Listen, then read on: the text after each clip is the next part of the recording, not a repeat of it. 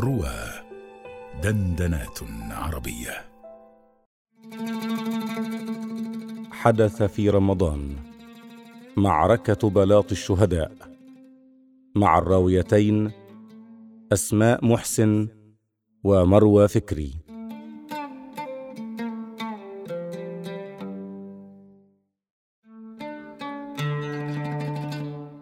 في الثاني من رمضان من العام 114 من الهجرة وبالقرب من سهل تور بجنوب فرنسا وقعت معركة بلاط الشهداء.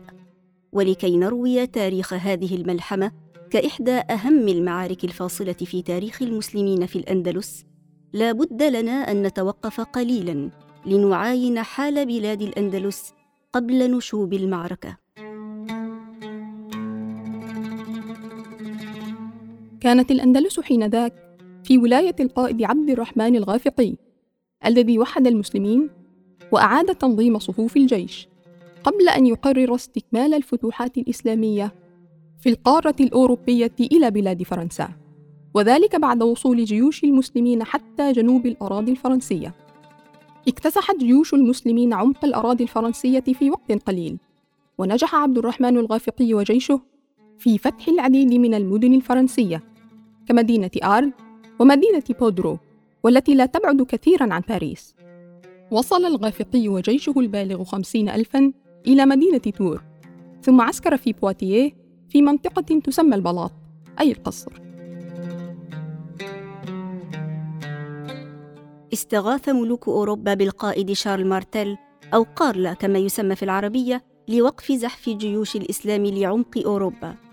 كان شارل مارتل حاجبا لقصر ملك الفرنجة وسرعان ما استولى على الحكم من ملكه الضعيف وفزع إليه باقي الملوك الأوروبيين خوفا من وقوع بلادهم في قبضة الدولة الإسلامية. نجح شارل مارتل في حشد أربعمائة ألف مقاتل من سائر أنحاء أوروبا لوقف زحف الجيوش الإسلامية وسار بهم لملاقاة جيش عبد الرحمن الغافقي قرب سهل تور.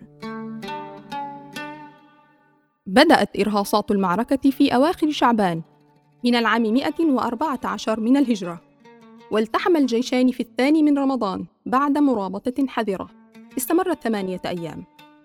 أبلى جيش الغافقي بلاء عظيما في بداية القتال رغم الفارق العددي الهائل إذ فاقهم جيش الفرنجة بثمانية أضعاف. اختلفت رواية المصادر في أسباب هزيمة المسلمين في تلك المعركة الفاصلة. وإن كانت أرجح الروايات تحكي عن اختراق فرقة من جيش الفرنجة لمعسكر غنائم المسلمين حيث تجمعت لهم غنائم عظيمة من فتوحات أوروبا. سبب ذلك الاختراق خللا في صفوف الجيش المسلم وحاولوا العودة لمؤخرة الجيش لحماية الغنائم. أظهر القائد عبد الرحمن الغافقي بسالة عظيمة في محاولة تنظيم الصفوف. وإعادة غالب الجند إلى المقدمة حتى لقي ربه شهيدا.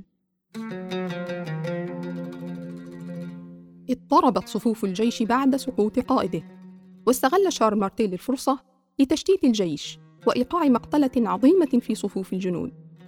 حاول من بقي من الجيش الانسحاب إلى أقرب معاقل المسلمين في جنوب أوروبا بعد سقوط عدد هائل من الشهداء وانكسار الصفوف. كانت معركة بلاط الشهداء علامة فارقة في تاريخ الأمة الإسلامية كما كانت كذلك في تاريخ أوروبا حيث أنهت محاولات المسلمين لفتح بقية أوروبا. وطويت بذلك صفحة من تاريخ المسلمين في الأندلس. كان من شأنها أن تعيد كتابة تاريخ القارة الأوروبية.